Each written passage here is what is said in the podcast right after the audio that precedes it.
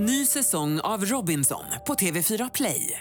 Hetta, storm, hunger. Det har hela tiden varit en kamp. Nu är det blod och tårar. Fan händer just nu. Det. är Detta är inte okej. Robinson 2024, nu fucking kör vi! Streama söndag på TV4 Play. Man får tycka att man inte är feminist liksom. Ända sedan jag var yngre så har jag ju fått det intryckt i huvudet att paradiset ligger under din mammas fötter. Så det är verkligen, man talar inte emot äldre. Det lättaste sättet egentligen att komma över någon oavsett det är ju att verkligen radera personen från sitt liv.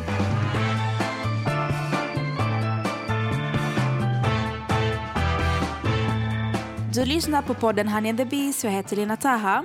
Och med mig idag har jag Sagal och Nicole. Ni har ju varit med här gäster tidigare i podden. Hej! Hej!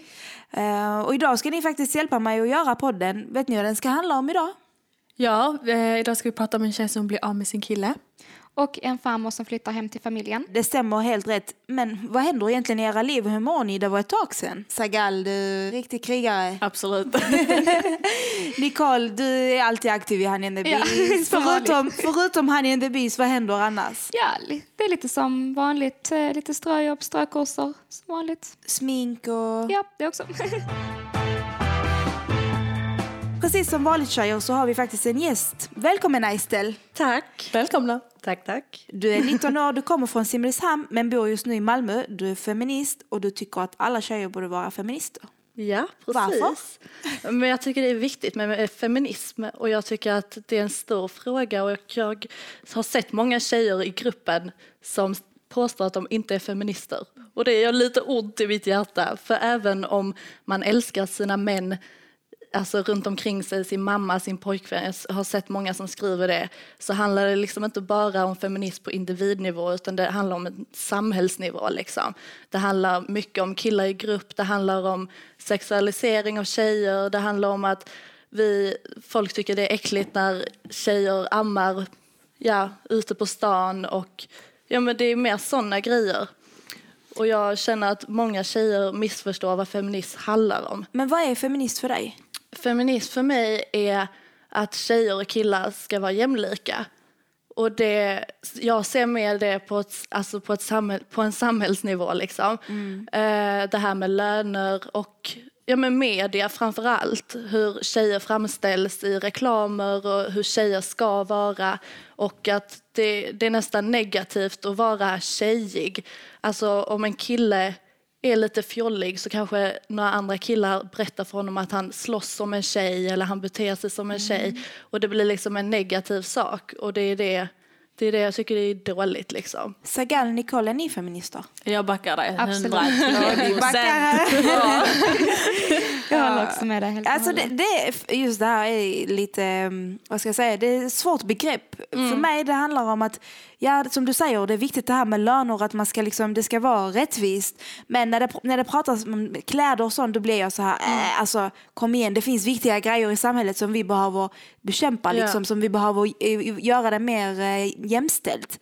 Eller vad, vad, vad tycker ni? Alltså, jag vet inte, det känns som att man alltid Alltså, pratar jag- om kläder, att, att vi ska kunna klä oss hur vi vill ute utan att bli, det, det är klart det är en viktig fråga, jag säger inte att den är mindre viktig, men som löner, det är där vi måste påverka känner Men jag. det är de här små sakerna som blir stora egentligen. Det är de här Okej. små förtrycken i vardagen som blir stora. Alltså många små saker blir ju ett stort förtryck. Nicole, du brukar ju ha starka åsikter. Ja. jag håller med Aiste helt och hållet. Det är viktigt att, eh, att man håller med liksom feminismen på alla för att det är tyvärr så att många tjejer förknippar feminism med manshat och de tror att det är det det handlar om. Och så skriver de ut liksom, nej jag är inte feminist. Och då, jag, som du säger, jag blir också så Man blir lite ledsen. irriterad, man Ja, bara, fan. ja, man bara känner att du har missförstått hela grejen. Hur kan du liksom göra så mot, mot dig själv? Att inte kalla dig feminist. Du vet inte vad det handlar om. Alltså, du måste då eh, vad heter det, förändra mina tankar. För att för, jag ska vara helt ärlig, för någon dag sedan jag satt och sa till min kompis, jag är inte feminist. Men då, jag blir ledsen Ni får inte mig. nej, nej.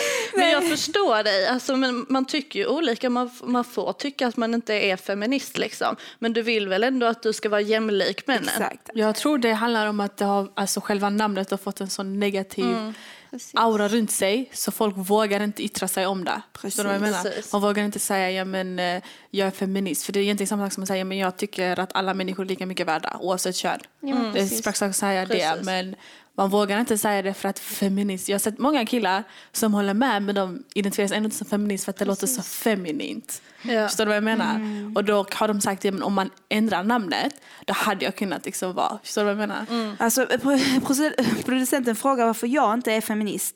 Jag, jag vet inte, det har blivit lite så med gruppen. Att varje gång man, man säger en grej, till exempel det här med kläder. Eh, tjejer, min kille tycker att den här är för uringen. Så skriver alla, men kasta han eller han ska inte bestämma och du är en... Bla bla bla. Du vet, alltså, det, det handlar om att så fort en kille säger någonting så tar vi det så himla starkt. Alltså, vi kan inte liksom... Feminism handlar ju mycket om att du kan bestämma själv. Du Mm. kan, Det är många som tror att liksom, ja, men jag vill vara hemmafru så jag är inte fem, feminist. Men det kan du absolut vara. Ja. För det handlar om att du har ett eget val. Du kan välja om du vill vara hemma och du kan välja om du vill gå och arbeta. Mm. Precis samma sak som du kan välja om du vill lyssna på din man eller om du inte vill göra det. Precis. Men det kan också vara så att jag läser så mycket om just det här för det är ju ganska aktuellt i gruppen i och med att det är en tjejgrupp så det är ju inte konstigt alls. Så blir det att vi liksom kvinnor eller tjejer liksom stöttar det ordet eller stöttar eh, varandra gentemot män. Alltså det blir vi och dem.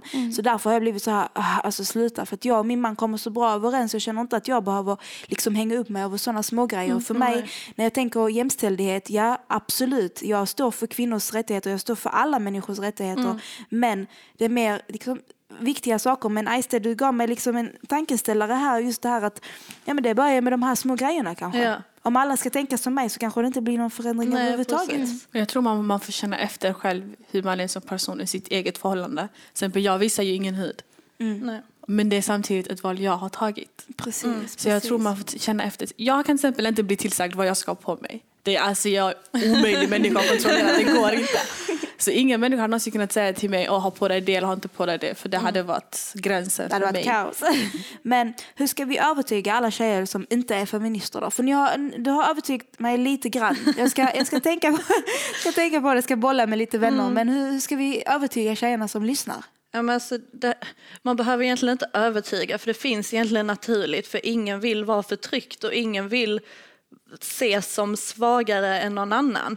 Och det är väl ganska självklart, jag tror bara man måste sluta tänka jättemycket på sig själv. För jag förstår de som säger att ja, men jag är inte förtryckt av min pojkvän och så vidare. Det förstår jag mycket väl, jag är inte heller det. Men jag tror man måste kolla det ur ett samhällsperspektiv, att man kollar på alltså, den stora bilden. Liksom. Och jag tror det är där många gör fel, att de bara, men min pojkvän är jättesnäll mot mig, varför ska jag vara feminist? Jag har det jättebra. Så jag tror man måste zooma ut lite och tänka på liksom, vad händer i samhället, hur ser det egentligen ut? För det, det, det är nog där det ligger. För de som säger att de inte är feminister och de som säger att de inte är förtryckta, de tänker ju bara på sig själva. Liksom. Precis, Men de, man måste ju tänka på allting. Vi har fått in ett anonymt inlägg till gruppen Honey and the Bees där en tjej skriver att hon inte blir av med sin kille och behöver hjälp. Han både misshandlar, trakasserar och kränker henne och hon har slängt ut honom tusen gånger men han kommer tillbaka. Ibland för att, han tycker synd, alltså ibland för att hon tycker synd om honom men ibland också för att eh, han kommer bara hem liksom och packar upp sina grejer. Och nu undrar hon, hur gör hon om han inte flyttar ut? Sagal. Eh, det beror på vem lägenheten tillhör. Utifrån inlägget så är det hennes lägenhet. Då ringer hon bara polisen. Precis. Ja, jag håller med. Ring polisen direkt. Men lås, ring polisen. Alltså, Men Nicole, tänk så här, han har ju misshandlat henne, han trakasserar, han kränker henne. Antagligen, alltså hon är antagligen ganska rädd från honom om man säger så. Annars hade hon, jag, jag antar bara så här, tänker snabbt, hon skulle nu ha ringt polisen direkt annars om inte hon var livrädd. Men samtidigt får jag inte intrycket i inlägget av att hon faktiskt är rädd. För hon, utan det är mer att hon liksom, han är jobbig. Så uppfattar jag det i alla fall. Och att hon liksom, ja men jag älskar fortfarande honom och han kommer tillbaka och packar upp sina grejer. Sen kan det absolut vara så att hon är rädd. Men det är inte riktigt det intrycket jag får. Ehm, men annars råder jag också liksom till byt lås, ring polisen. Hon har gett honom uppsägningstid som borde vara att han förstår att han inte ska vara där. Aiste, vad hade du gjort om eh, din kille eller ditt ex så blir det i, så, i, det, i det fallet? Om han har misshandlat he- dig, trakasserat dig, kränkt dig men du känner ändå att du har känslor för honom och han kommer då och då. Hur gör man på, ett, alltså på bästa sätt? Liksom? Hur blir man av med en sån kille på ett bra sätt? Det är jättesvårt att säga. Det första jag skulle göra är att prata med någon nära mig och bara få så mycket råd som möjligt. För om hon är rädd för honom och inte vågar polisanmäla så ta hjälp av familj. Säg till din mamma, säg till din pappa. Bara försök få med så många som möjligt i din familj som kan hjälpa dig. För det är väl där man måste börja. Man, måste, man kan inte vara i detta själv. Liksom. Om han har trakasserat dig och misshandlat dig så får du ju ta hjälp av de som finns där. Så tänker jag i alla fall. Och sen såklart, ja då byta lås och ringa polisen om det är så. Men om hon inte vågar det så bara ta hjälp av så många som möjligt och bara försök lösa det på egen hand. Kvinnojour tänker jag också Ja. på om hon är rädd liksom på riktigt så att hon eh, tar kontakt med kvinnojour som kan hjälpa henne tills det inte finns någon hotbild kvar längre. Producenten säger att problemet kanske inte är att hon är rädd utan att hon ändå älskar honom. Jag tror lite grann att eh, hon förvirrar kärlek med saknad. För det är vanligt bland eh, folk som har fallit offer för eh, våld i hemmet att de på ett sätt ändå saknar miljön för de vet vad de förväntar sig. Förstår ni vad jag menar? Ja, Ja, precis. förstår. Att för oss, att de kanske inte vågar berätta för de tänker att för oss tänker vi, Va, vad är det med dig, vadå jag saknade? Men det är alltså, de tänker på de goda tiderna och att det ändå, de visste vad de förväntar sig. Också vanan att du ändå har någon där. De har ju ändå bott ihop, och någon som du kommer hem till. Och som du säger, att man tänker på dem. Ja, men han har ju ändå varit snäll ibland. Att man ändå saknar Jag, det. eh, jag fick möjligheten att prata med en tjej en gång som hade blivit kidnappad och hade varit med om väldigt hemska grejer. Eh, Och då berättade hon att hon saknade sin gärningsman, han som hade tagit henne. Efter allt han hade gjort mot henne så saknade hon ändå han. För hon saknade de stunderna där hon fick komma upp och hon fick kolla på tv. Alltså när man hör sådana grejer. Stockholmssyndromet tror jag det heter. Att Det, är- alltså, det låter, för oss är det svårt att förstå. Men för henne var det liksom att är jag sjuk för att jag saknar han? Men Nicole, vad gör man åt sån saknad då? Ja, jag vet inte riktigt hur, vad man hade gjort. Jag har svårt att sätta mig in i den situationen. Men det lättaste sättet egentligen att komma över någon oavsett det är ju att verkligen radera personen från sitt liv. För att även hon indirekt så tillåter hon ju ändå honom till att komma tillbaka. Hon tillåter ändå beteendet och även om han då kommer in och packar upp sina saker och hon liksom inte säger att det är okej så är det ändå hon säger ändå okej indirekt för att hon inte liksom slänger ut alla grejerna. Men som sagt, om hon älskar honom kan det ju absolut vara svårt. Ehm, så det lättaste sättet egentligen, som sagt då polisanmäla, radera honom överallt från sociala medier, telefonnummer, allt möjligt. Bara liksom försöka gå vidare med sitt liv och till slut så går det över. Ja. Men vad, hon undrade också den, den här frågan faktiskt. Hon undrar vad, gör, vad ska hon göra när han kommer tillbaka och bankar på fönstret? Låtsas som hon inte är hemma. alltså på riktigt. Jag tror hon, alltså det, det första hon behöver göra är att prata med någon. Jag säger inte Ja. ringa polisen direkt för det är väldigt mycket att göra på en gång. Så jag menar, utan bara prata med någon. Även om hon vill, hon kan söka BRIS och det finns sådana här olika telefonlinjer man kan ringa. Bara kvinnojourer, man kan vara anonym. De sparar inte numret. Alltså du bara ringer och bara pratar. Sen ju mer hon pratar om det, ju mer hon säger det högt, då inser hon verkligheten i det också. Och då kanske hon till slut vågar låsa dörren. Hon kanske vågar ringa polisen. Alltså jag tänker personligen, alltså, i och med att han har misshandlat henne, kränkt henne, trakasserat henne. Det är liksom ingen människa som du kommer kunna fortsätta leva med. Om du låter det gå ännu längre, liksom, om du låter dig bli ännu mer kär och mer älskad. Alltså, om ni skapar ihop er flera minnen. Om vi säger du låter han komma tillbaka till ditt hem och packa upp sina grejer och ni låtsas som ingenting. Så skapar ni på det sättet nya minnen också och det kommer bli ännu svårare att lämna honom senare. Att hon tänker också att det kan kosta henne livet. Ett annat anonymt inlägg som har kommit in till gruppen handlar om något som du har diskuterat i gruppen tidigare, Sagal, och som vi har tagit upp i, i podden. Det handlar om att i vissa kulturer så ingår det att de äldre ska flytta in hos barnen när de blir gamla. Och nu skriver en tjej att hennes farmor har faktiskt flyttat in hos dem, men att farmor är så himla jobbig. Hela familjen mår dåligt och de vet inte vad de ska göra. Hjälp henne. Sagal. Alltså jag tänker att familj generellt är jobbiga. Det, alltså man kommer inte undan det. det de är jobbiga. Eh, men sen samtidigt familj är familj. Och jag vet ju själv som jag har jobbat med äldre att ibland deras frustration och jobbiga stunder handlar inte om att de vill vara liksom sura och jobbiga, ett gäng kärringar och gubbar. Alltså det är inte det. Utan det, man får tänka så här. Tänk att en dag så vaknar du och du kan inte ens stå på dina egna två ben helt själv din kropp funkar inte så som du vill att den ska funka. Liksom kroppen hinner bli gammal innan själen hinner bli gammal. Du vill kunna göra mycket som du kunde göra tidigare men det kan du inte längre. Du kan inte äta själv utan att din hand skakar jättemycket. Du kan inte, vissa kan inte ens gå på toa utan att få hjälp och de Mm. har blöja på sig. Alltså det tar väldigt mycket på en psyke. Så jag tror att om hon bara tänker att okej, jag förstår. Jag gör inte ursäkter till varför farmor är Jobbig. jobbig. Men jag säger bara om hon tänker att okej, farmor kanske går igenom jobbigt, jobbiga grejer nu. Och hon kommer inte leva för alltid. Ester, vad tänker du? Hur tänker Men du? jag tänkte på det här att alltså, om någon skulle flytta hem till mig, även om det var min kompis, min mamma, ja min farmor, så har ju alla hushåll sina regler och sina rutiner liksom. Och det bästa tipset som jag skulle ge är bara ha ett litet familjemöte och bara försöka berätta för henne så här gör vi här hemma och så här, du får försöka liksom anpassa det lite för även om det är familj så fungerar hushåll olika. Men Nicole, ska hela familjen må dåligt när det ändå finns äldrevård? Alltså man ska inte behöva må dåligt i sitt eget hem. Men jag känner att de måste våga säga ifrån.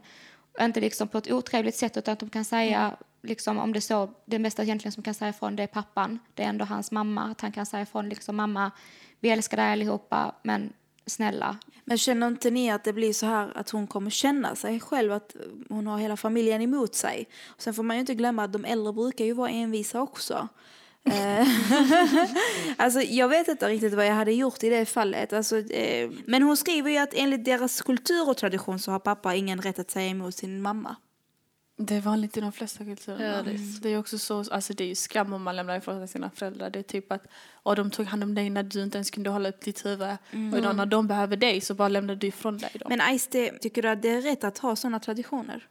Ja, absolut. Alltså, alla har ju sina egna traditioner och olika länder har olika traditioner. Får man fråga var du kommer ifrån Aiste? Jag kommer från Litauen, men vi, vi har inga traditioner tror jag. Inte vad du vet. Nej, inte vad jag vet. Men hur många av er skulle kunna ha era äldre hemma? Jag. Vem? Sagal? Ja. Ja, jag hade också kunnat det. Aldrig. Typisk kommentar från Nicole. Typiskt. Men vi diskuterar mycket hemma och jag har min mamma och min mamma har själv sagt att jag vill inte bo med dig. Jag vill inte bo med dig och jag vill inte bo med din syster. Jag vill bo på ett äldreboende. Där är jag nöjd. Och min mamma har ändå jobbat med äldreomsorgen i över 30 år så hon vet vad hon liksom har och vänta sig. Men, men som sagt, alltså, alla vill inte bo med sina barn och alla vill inte ha sina föräldrar boende hos sig. Liksom. Så min mamma har sagt att hon vill ha, när hon blir äldre vill hon ha det lugnt och fridfullt. Liksom om jag skulle ha kanske alltså barn och allt möjligt hemma, ska hon då liksom kanske höra skrikande barn beroende på ålder eller liksom, ja, alltså, att, ja, men speciellt mycket tänkt med, med barn tänker jag. Att det kan bli väldigt stressigt och, och om man då kanske har någon som blir äldre, vi har väldigt många sjukdomar i min familj med största sannolikhet så kommer inte min mamma vara frisk alltid.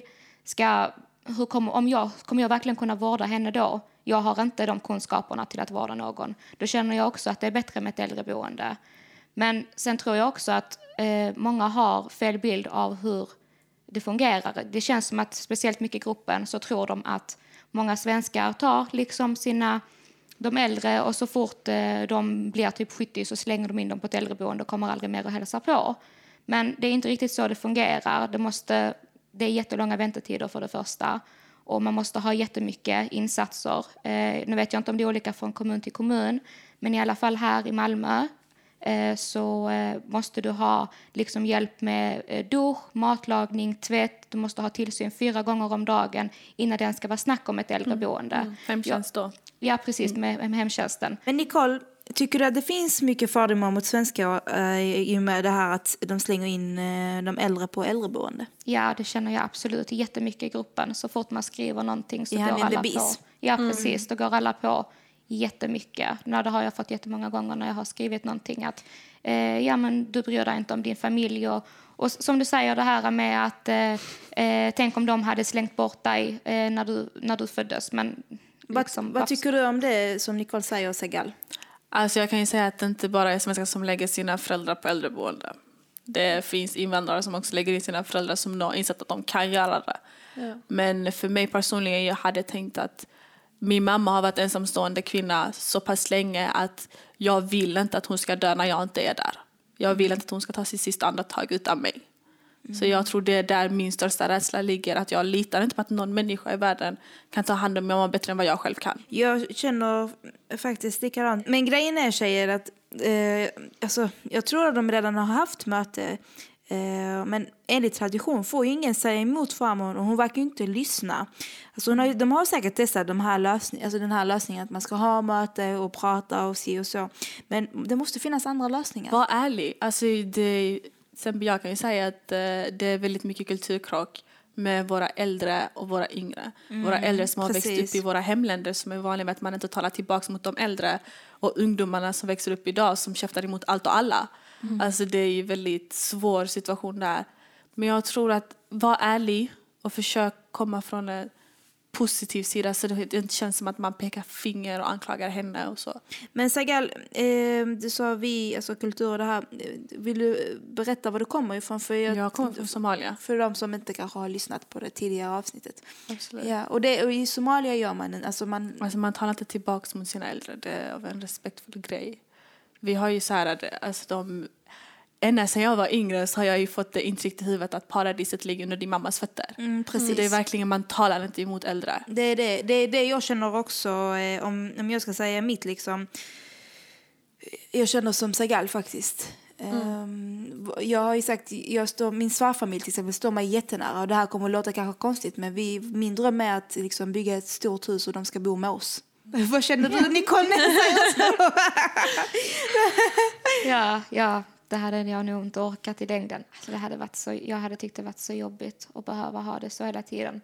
Det är inte så, om jag tänker liksom utifrån min situation nu, min, min pojkväns mamma är jättesnäll. Men min egen mamma kan vara, alltså jag älskar min mamma men hon kan vara lite jobbig ibland faktiskt. Ja men så är det. Men Sagal, är det ett problem att man inte får säga emot sina äldre? Ibland är det ju för jävligt.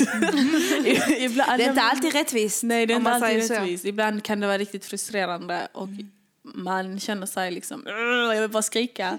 Men sen, jag vet inte, när man kollar så här så känner man ändå okej, okay, det känns bra att eh, mina föräldrar är stolta över mig och de är liksom glada över den personen jag är och hur de har uppfostrat mig. Till exempel, jag hör vissa yngre nu som kallar sina mammor för de sjukaste grejerna jag har hört i hela mitt liv.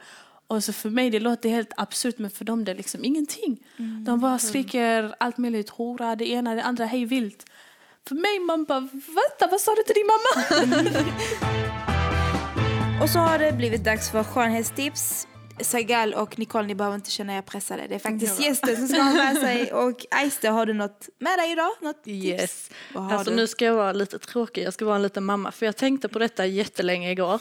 Och alltså, I och med alla är typ makeupartister idag så tänkte jag inte ta något så sminktips. Utan jag tänkte bara säga drick vatten och sov. Lyssna här, vatten och sova det hjälper mot allt. Är du sjuk, drick vatten och sov. Vill du vara snygg, drick vatten och sov. Så det, är- det är allt. Okej, då, då, då tycker jag att vi ska avsluta podden så jag kan dricka vatten och sova. Ja. Okej, om du vill vara med i podden så skriv till Madeleine HB, producent Nilsson. Och eh, ja, du kan skriva vad du vill till henne och vill du skriva något anonymt till henne kan du också göra det. Tack Nicole, tack Sagal och tack Aiste för att du ville komma hit och gästa oss. Tack, tack så mycket. Hej då! Hej då! Honey and the Beast-podden produceras av produktionsbolaget Munk.